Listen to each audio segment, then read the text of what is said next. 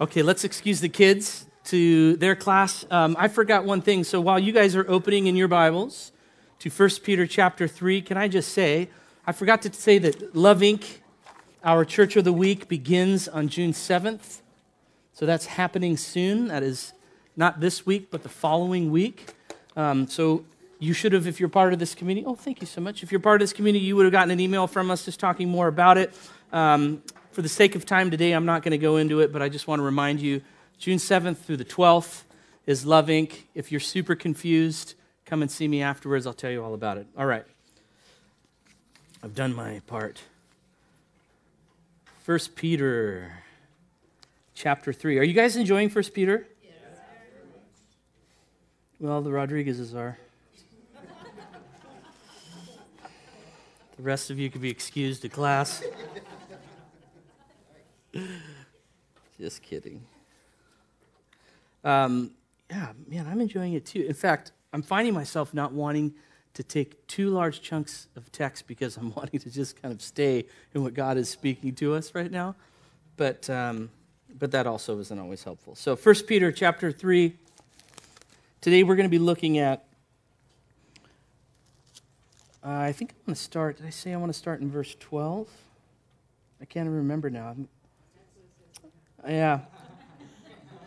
Oh, they already put it up? Okay, hold on. I'm going to start in verse 10, just for a little bit of runway, okay? I know.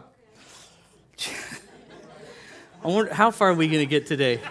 I don't know. It's not looking good with the amount of time. 1 Peter chapter 3, beginning in verse 10, and then we'll pick up 12 here. Whoever desires to love life and see good days, let him keep his tongue from evil and his lips from speaking deceit. Let him turn away from evil and do good. Let him seek peace and pursue it. For the eyes of the Lord are on the righteous, and his ears are open to their prayer. But the face of the Lord is against those who do evil. Now, who is there to harm you if you are zealous for what is good? But even if you should suffer for righteousness' sake, you will be blessed. Have no fear of them, nor be troubled, but in your hearts honor Christ the Lord as holy, always being prepared to make a defense to anyone who asks you for a reason for the hope that is in you, yet do it with gentleness and respect. Having a good conscience, so that when you are slandered, those who revile your good behavior in Christ may be put to shame. For it is better to suffer for doing good, if that should be God's will, than for doing evil. For Christ also suffered once for sins, the righteous for the unrighteous, that he might bring us to God, being put to death in the flesh, but made alive in the spirit, in which he went and proclaimed to the spirits in prison, because they formerly did not obey when God's patience waited in the days of Noah while the ark was being prepared, in which a few, that is, eight persons, were brought safely through water. Baptism, which corresponds to this, now saves you not as a removal of dirt from the body, but as an appeal to God for a good conscience, through the resurrection of Jesus Christ, who has gone into heaven and is at the right hand of God with angels, authorities, and powers having been subjected to him. Amen. This is the word of the Lord Jesus Christ. We're thankful for it. And Father, we ask that you would do your work in us now. We thank you for what you have already stirred in our hearts this morning. And Lord, we just stay in this place of receptivity. And Lord, above all, wanting to honor you with our bodies and our minds and our hearts. So, Lord, now we give this to you in the name of Jesus Christ, this time, our intentions. Lord, we ask that you would preach your word to us by your Spirit this day. In your awesome name, we thank you that you hear us. Amen. So 1 Peter 3, Peter's now moved on to the matter which will really consume him for the remainder of the letter, um, which is the issue of Christian suffering. And thus far, he has shown us how suffering is God's way in chapter 1. And he's given instruction how, through humility and honor, Christians can turn the matter on its head by joyfully and respectfully submitting. He speaks on that in chapter 2. Because we have a confidence that it's not man whom we serve, nor is it man who vindicates, but it's God alone. So therefore, we can submit ourselves joyfully and willingly because that is God's plan for us. And again, the context for that in chapter 2 is this broader context of suffering that Peter takes up here throughout his letter. And then, as we heard last week, I spoke on how the love of Christ is on full display when Christians meet suffering not with cursing as the world does, but with blessing. And we talked about what it means to bless. And, and the thought that came to me was Proverbs chapter 15, where it says that a harsh word stirs up anger, but a gentle or a soft word turns away wrath. But as I said last week, it isn't just a kind word, it isn't just a spoken word necessarily that is a blessing, as we commonly might think or refer to it as. But to bless is to pursue with faith God's kind and merciful intervention in humanity for humanity's betterment and ultimately for God's glory. That's what to bless is.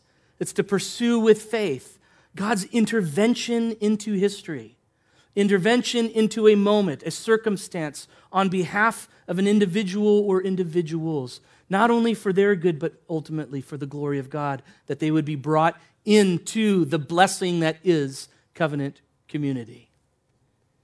And now here we are again with all of his letter that we find thus far. I don't know if you've picked up on this, but as I began to study this portion and, and try to hear from the Lord as to what direction I ought to teach this today, I realize that there's this upward trajectory that Peter continues to call his readers towards. All the while, as we look back through chapters 1, 2, and thus far of 3, Peter is calling us to put and fix our eyes on Christ. He just keeps pointing us to Jesus and pointing us to Jesus and pointing, pointing us to Jesus. And I was so blessed by how the songs that we sang today spoke of the, the in a sense, the one sidedness of the cross the pursuit, as Kevin said, of Christ for us. But what I want to look at today is now the response of the believer in light of that pursuit.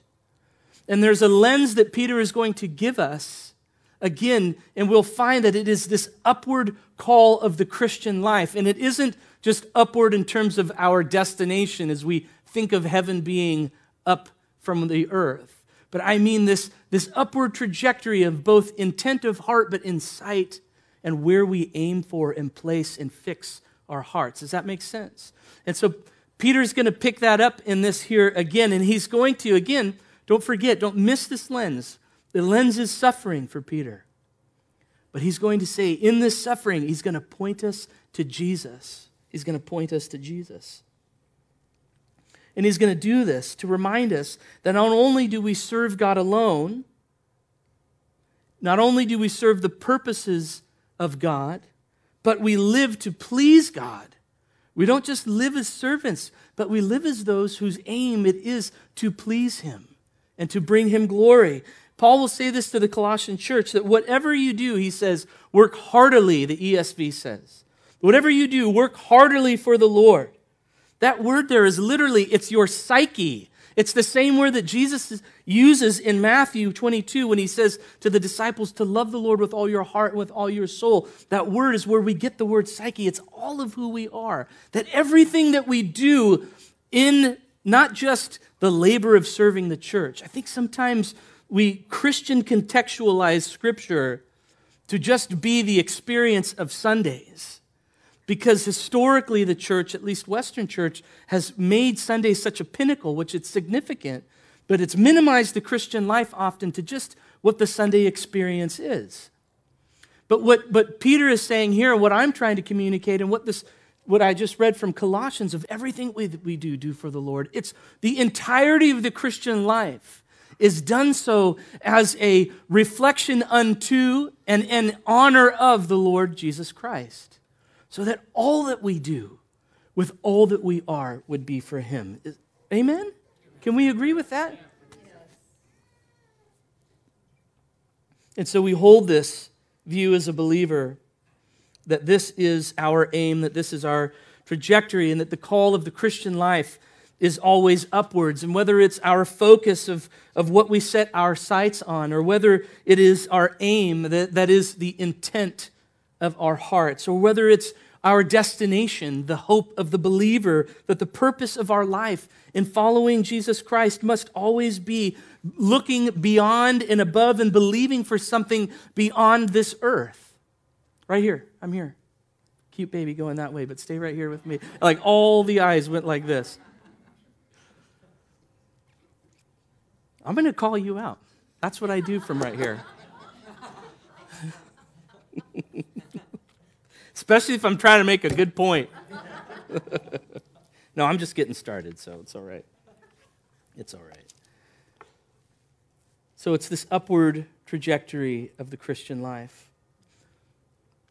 This call that our eyes would be fixed. And I would say, brothers and sisters, no greater context is this really understood and experienced in the context of suffering.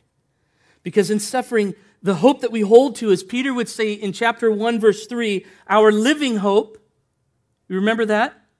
Chapter 1, 3, Peter says that it's our living hope that we hold to, that we've been born into, and the purpose of our life in following Jesus Christ.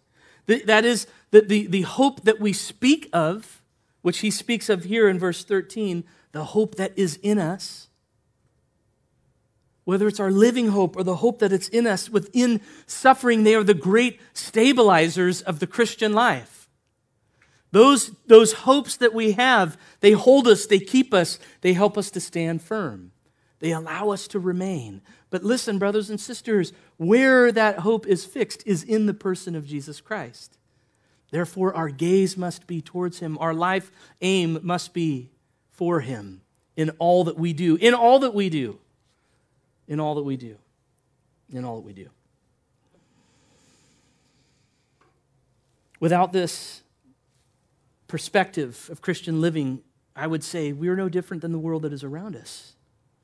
If our aim is here, how different are we than those whom we have been called to minister unto? Our aim must be up here. Without this hope that, that we have, without a realization and anchoring to it, there's no aim that we have in our life. There's nothing to shoot for. If it isn't Christ, then it's this. And if this is this is no aim. This is just what we're given in the sinful life. This isn't what we inherit. This is what we are living amongst to reflect the glory of God. I was um, enjoying reading some church history lately, and I've, I've been digging back pretty far, and I read this quote this week in some of my readings. I wanted to just share it with you here this morning. It was uh, a, Benedictine monk. You might monk. You might have heard of him. Um, he goes by Gregory the Great. I, actually, I think he, interestingly, kind of took that moniker upon himself in his later part of life. Gregory the Great. But he said this about living for the world. He says, "What is it, brethren, that can make us contend with this life?" He says, "If we love such a world, we love not our joy, but we love our wounds." I thought, wow, what a really just concise statement that is that, that gets to the heart of the matter. If we love this world, church, we are not loving the healing and the joy and the wholeness that is being given to us in Christ. We're loving actually that which inflicts us. Whoa, that's quite a statement. We love not, we love not our joy, but our wounds. For living for this world is just that it's the pursuit of wounds. It's the pursuit of wounds. 1 John chapter 2 verse 15 John says don't love the world or the things of the world for all that is in the world is not from the Father.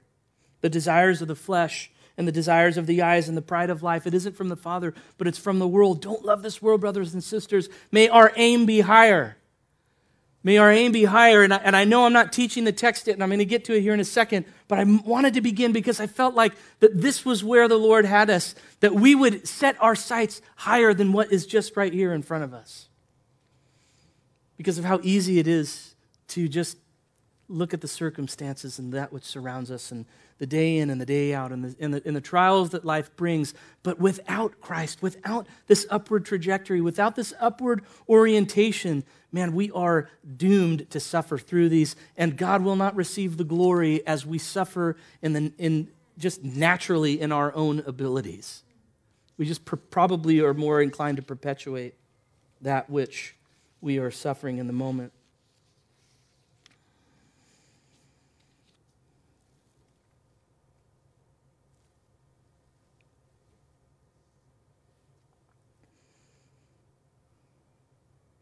Hmm. So there's a Latin phrase which became the rally cry for many of the early church reformers, which wonderfully summarizes this very truth of living beyond the world. It's a phrase that men like Martin Luther they knew and he deeply pursued it. He wrote about it, and it's one that it's found originally in Psalm 56 in the Latin Vulgate. So it's a Latin phrase. And in Psalm 56, David is saying, For you've delivered my soul from death, he says, Yes, my feet from falling, that I may walk before God in the light of life. And that before God Latin phrase is coram deo. Has anyone heard that phrase before, coram deo? No? Yes? yes? Yeah.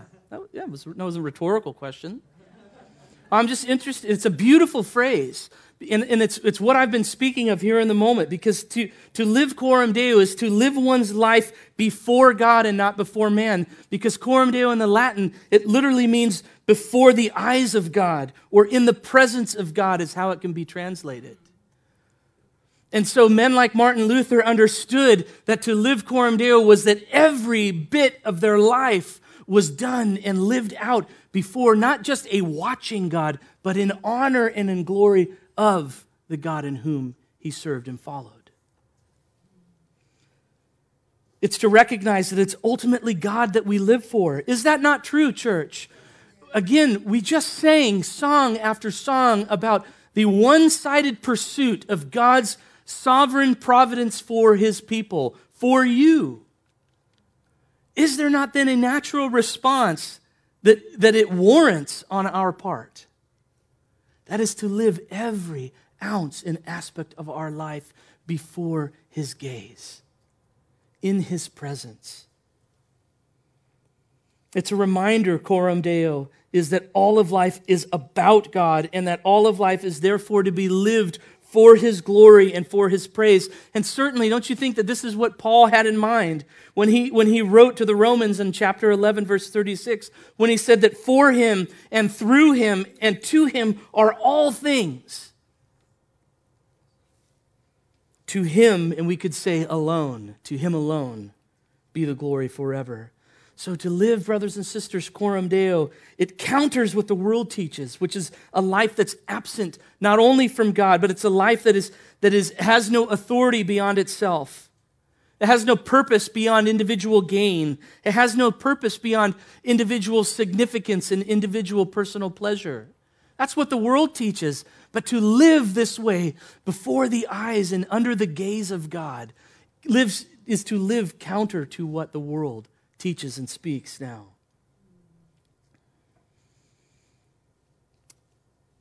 The now past but brilliant theologian R.C. Sproul defines Coram Deo. He was a, a big Coram Deo advocate, wrote of it often, spoke of it often, and he says, Is it up there already? Well, you guys are on it.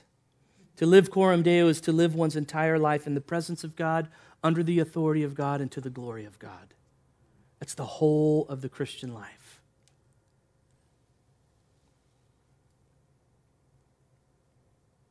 But it's not just our actions, it's not just us, church, but it also includes, it's implicated within it, is God's part, is the act of God. Because to live under this gaze, to live this coram deo, is to be keenly aware of God's sovereignty and how He acts according to His will. And so we understand who He is in His nature, and we understand His will and intent towards humanity.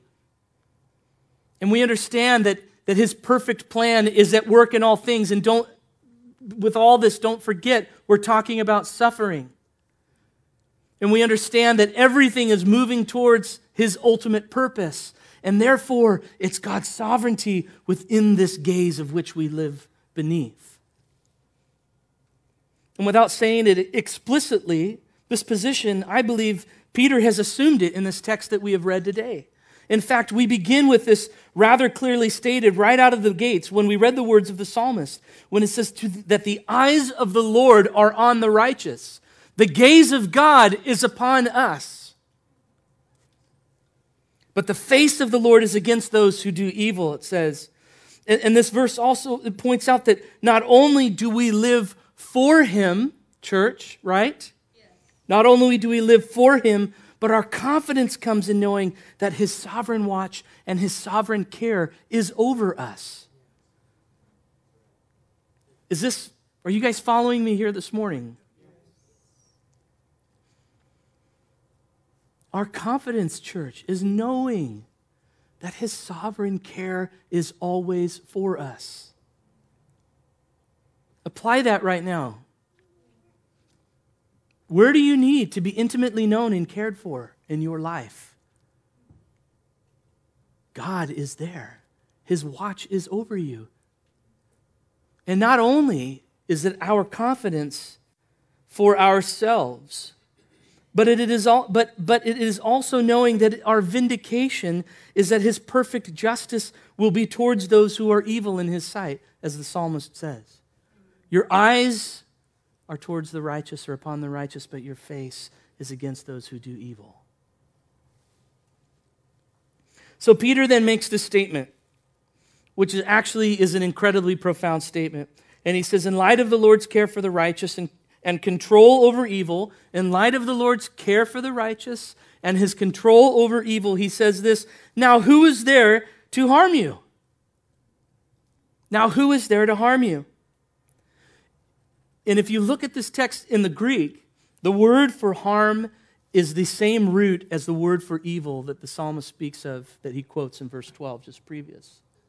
Those who would do evil or who are in pursuit of evil, it's the same. Who will do evil against you? He says, The eyes of God are on the righteous, and the face of the Lord is against those who are evil. Now, who will do evil against you? If God is sovereignly in control of all things, and now he's beginning to set up this idea, again, that we live under the gaze, under the watch of God. And by understanding this, it orients us rightly to be able to endure and to remain in whatever would come our way. And don't forget the context, too, of 1 Peter, which I'm not going to teach again. But who's he writing to? What are the circumstances that they are finding themselves within? What is Peter's point in writing this to them in this moment. Now, who is there to harm you? It, it's, it's, it's the words of Paul to the Romans, right? If God is for us, who can be against us?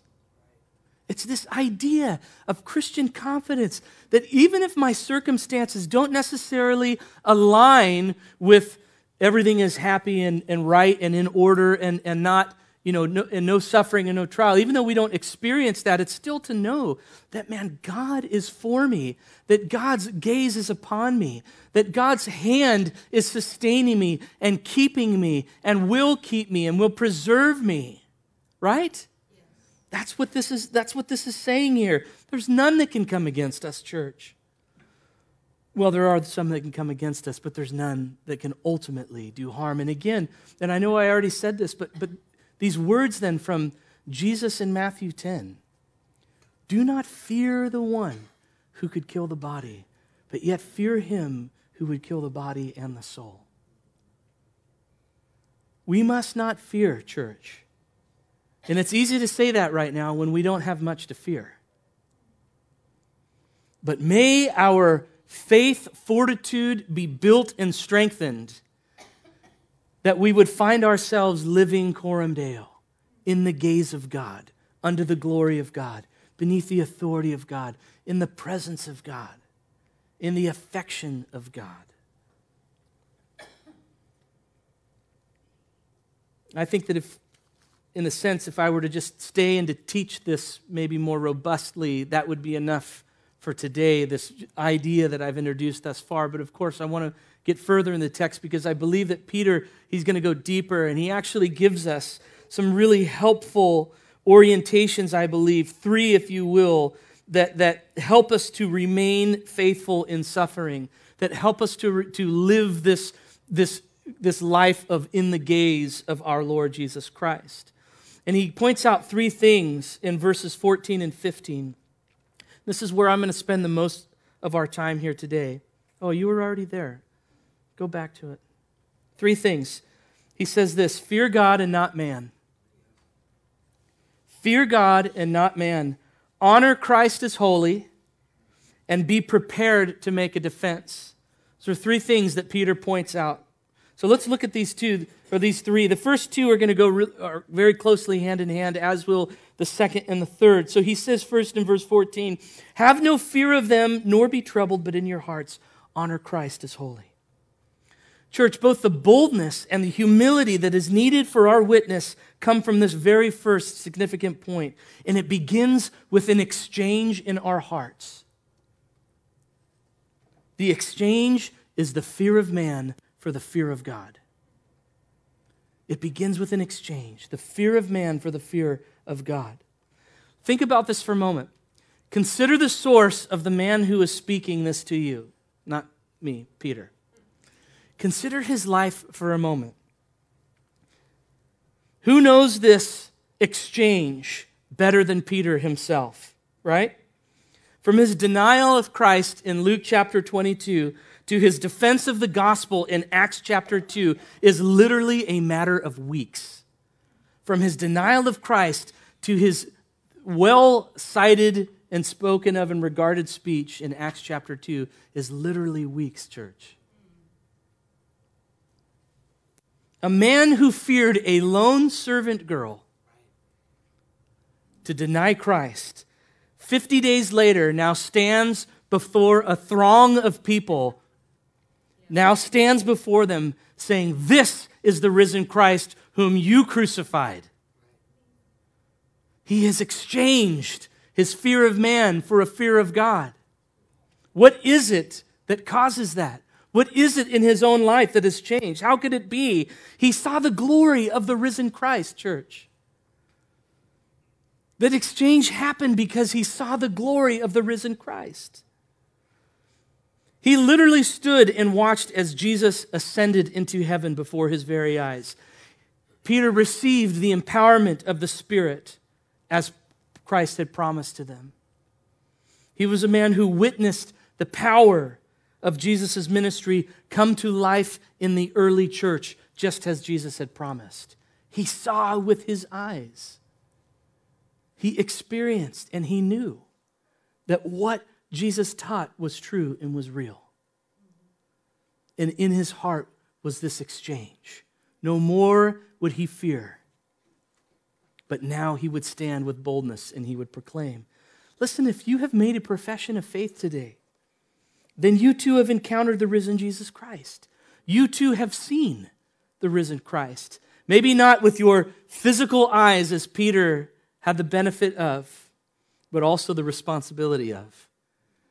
But our hearts have been opened, they've been enlightened, they've been, they've been made aware of the power and the authority and the greatness that is Christ Jesus. Right? We knew what it was for some to deny him in your own life before Christ. You knew what it was to deny him. But now you profess him. You experience what it is to be empowered by his spirit, right? You've been exposed. You've received. You have seen. Once you did not know, but now you know. Once you did not serve, but now you serve. Once you did not worship, but now you worship him. Church, you have seen him. This must begin with us exchanging no longer a fear of what man might think or what man might say. And just that commendation that was given to Nick as he stood here. You, ran, you flew your colors, man. Now fly them again. Church, let's fly our colors. Let's raise the banner. Let's proclaim who is it that's king? Who is it that's truly alive? Who is it that we serve? Right? All right.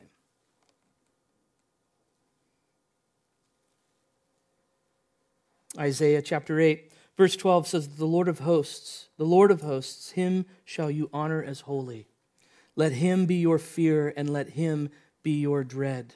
Him you shall honor as holy. Let him you fear. Fear God, not man. There's a theologian, I want to share this with you in his commentary. His name is, I think I've shared something of him before because he's got such a funny last name Edmund Clowney, right? And to be that guy. But in his commentary on 1 Peter, he says this To break the throttling grip of fear, we must confess God's lordship when, with more than mental assent. Let's take that for a moment. We must confess God's lordship with more than mental assent. What more must we then give? Our bodies, our minds, our intent, right? We must confess it as our heart's devotion. Setting him apart as Lord means bowing, bowing before him in adoration of praise because a praising heart is immune to the fear of other people. I love that statement. A praising heart, church, is immune to the fear of other people. Who would we fear when we stand here together on a Sunday morning? And you know what I mean. I'm not like afraid of what somebody might do, but uh, but but but fearful and in submission to the opinions and the thoughts of other people. Who do we fear when we stand here on a Sunday morning? I guarantee you, not one of you is wondering what the person behind you or the person who might walk in is thinking about. If we're engaged in praise. Now, if you're just watching, you might be thinking about what the person behind you is is doing. But man, when we are caught up in praise, there is nothing else that consumes us except for Christ and the glory and bringing Him our fullness of who we are. A praising heart is immune to the fear of other people. So it's here that this orientation, I believe, of, of Coram Deo finds its power for the suffering Christian. It's the power that enables us to hope as sojourning exiles, as Peter identifies us throughout his letter, to submit as honoring citizens. Again, coram deo, living for God in the gaze of God, not for men, exchanging our fear of men for our fear of God. Having this orientation, church, in the face of whatever then comes our way, is as Peter says, we can, we can sojourn as exiles. We can be nomadic without a place of real belonging on this earth because we live for God. We can submit to the earthly authorities that the Lord has put in place as they pursue righteousness and justice. And we do it humbly and willfully and joyfully because we live for God. We can submit in our relationships. Husbands honoring their wives, wives honoring and submitting to their husbands because you live for the Lord. Right? Church, this changes everything.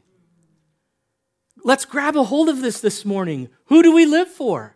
We live for Christ. Who do you live for? Ask yourself that. Who am I living for? Am I living for my spouse, for my children? Am I living for my, my future retirement or enjoyment or you know my future plans. And, and none of those are necessarily bad but who do you live for? We live for christ. Fear god not man. Number one. Number two he goes on to say have no fear of them but in your hearts honor christ as holy. This is the second orientation. Honor christ as holy the first was to exchange our fear of man for the fear of God, and the second is to honor Christ as holy. The word honor here in the Greek is the word for sanctify. It's the word for sanctify. Do you know what sanctify means? It means to set something apart. It's an interesting phrase if you think of it. Set Christ apart as holy. What does Peter intend with that statement? It's this only Christ is sacred. What, what, what space does he occupy in our heart, in other words? Where do you hold him in relationship to other things in your life? Is he sacred? Is he set apart? Is it solely Christ or is it Christ and? Church, he's the transcendent Lord. Therefore, let us confess him only. Let us rely upon him solely. Let us place only our hope in him, attribute to him only what he is worthy of and do. That is to sanctify him as holy, to set him apart as holy. He sanctifies us for holiness. And in turn, we respond and we sanctify him as our only focus and our only aim.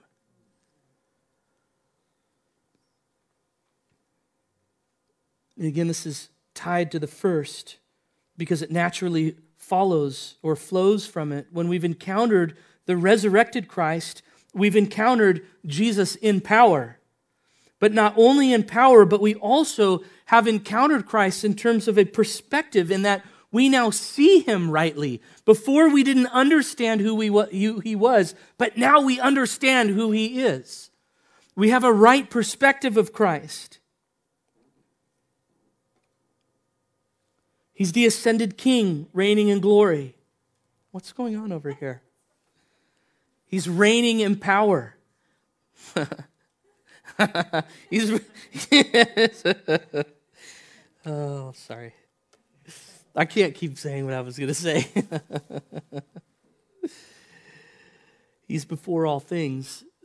Paul says in Colossians 2 that Jesus Christ is before all things, and in him all things hold together, that in everything he might be preeminent.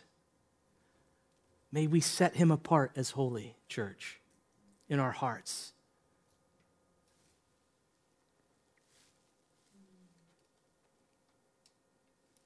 And finally, Peter says this being prepared to make a defense to anyone who asks you.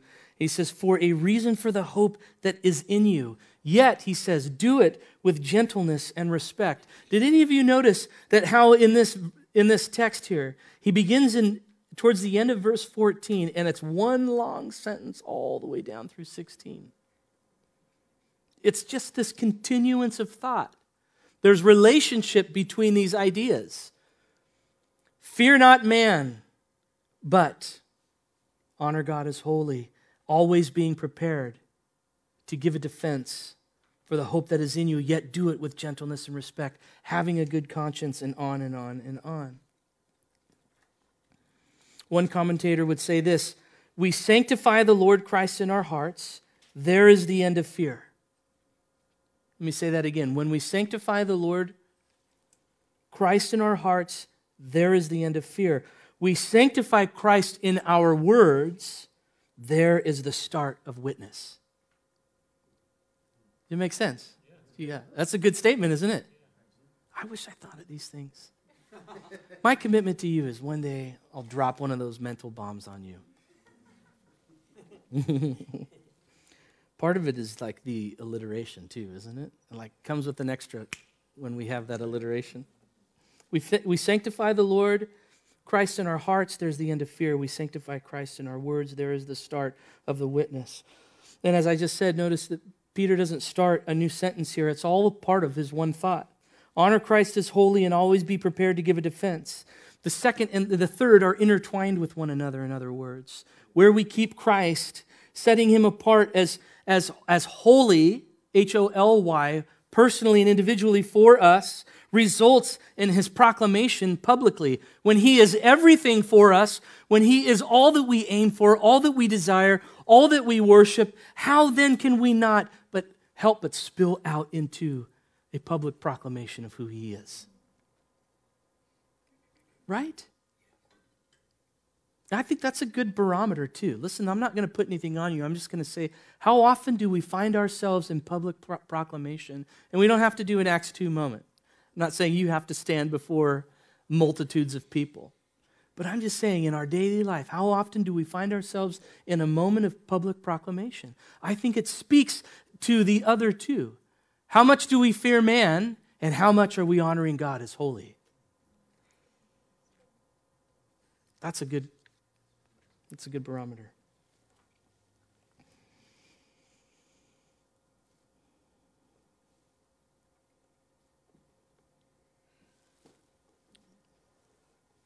The beginning of our testimony is what Christ has done for us. We see Christ as resurrected, and our lives are radically altered forever by this powerful truth. This truth then becomes our profession. We understand what he has done for us as a Savior, and it becomes what we live and what we speak for.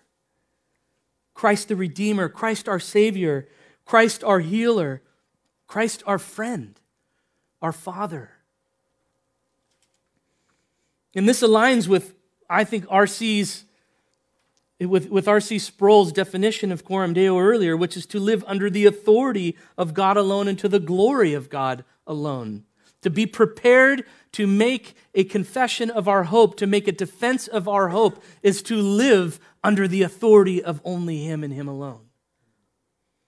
Confrontations, church, are the opportunity for gospel witness. And I'm not just saying disagreements, it could be some significant trial, it could be some minor confrontation. It doesn't matter. Each confrontation moment is an opportunity for the witness of the gospel. Christians defend their faith. Our greatest defense is our proclamation. We defend our faith by proclaiming the gospel, which is why the manner that we make our defense is so important. That's why Peter says, with gentleness and respect. With gentleness and respect. Otherwise, what good is a defense if the heart or the manner or the method by which it's delivered is offensive? What's the point of that? That's the good conscience that Peter's talking about. So we have to be prepared, but it also is important on how we defend that which and how we profess and proclaim. I remember working, and I'll say this quick because I literally have a minute left. I'll give you a 30 second story. I worked at Hewlett Packard, and I worked with this guy, and everybody was, knew he was a Christian, and nobody liked him. And it wasn't just because he was annoying, it's because the guy was just like annoyingly Christian.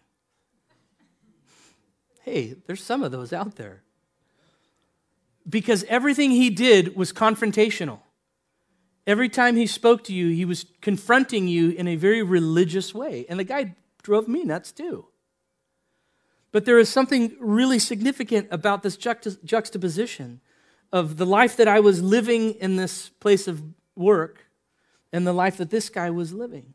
It, it was lacking gentleness and it was lacking respect, oftentimes not always. But it's important how we say what we say. It's important how we give a defense. It's important how we proclaim the gospel, right? Yeah. Bold words, eloquent words, compelling words, none of it will honor God if they're not followed by a consistency in the life that we live. There's no proof in the pudding, it doesn't matter what we say. This is again, this is where the orientation of Coram Deo comes into full view in Peter's words. If we are always living before the face of God, then however we act, including our gospel obstinance, because let's face it, there's times where we need to be obstinate with the gospel, including that, it remains above reproach. We have a good conscience, and our conscience is clear. Our best defense is a strong offense not offense, offense. Our best defense is a strong offense. And just because I'm not going to have time, I didn't plan to go into 18 through 22, but let me just say this about verses 18 through 22. It represents Christ's example in these things. So Peter has outlined instruction, and then he gives us an example in the Lord Jesus Christ. And he did it in chapter 2, verses 21 through 25, the same thing. But this time, unlike his previous comparison, where he shows Jesus in light of his meekness and his humility and submission, that's what chapter 2 was speaking of. Christ's submission and, and, and, his example of his meekness. Here in verses 18 through 22, Peter's example of Christ is, is to show Jesus in his glorious triumph and in his powerful proclamation, because this lens here is the lens of the resurrection. That's what Peter now is writing through. That's why we don't fear even death, because we know as believers what it is that awaits us on the other side. It's the lens of the resurrection that Peter is pointing out the, the triumph of Christ over death through the cross in verses 18 through 22. And so let that be an example for us and just an encouragement that our triumph and our proclamation begins and is enabled by the resurrection of our Lord Jesus Christ. In our life, as I've said, to live this coram deo before the face and under the gaze of God is enabled for us believers because of the resurrected Christ Jesus, who now lives in a place of authority over all. So, church, may we not fear man, let us fear God, right? Fear God, not man. This is super cheesy, but look to someone next to you and say, Fear God, not man. Come on, do it. Do you mean it? Did that feel cheesy? Did you mean it when you said it? Jackie, you're all, you're all alone. Jackie, fear God and not man. Yeah. May we set Christ apart as holy in our lives. And may we always be prepared to make a defense for the hope that we've been born into. Brothers and sisters, by the grace of God, let's live coram deo. Let's live under the gaze of God, under his authority, to his glory, and under his gaze. Amen.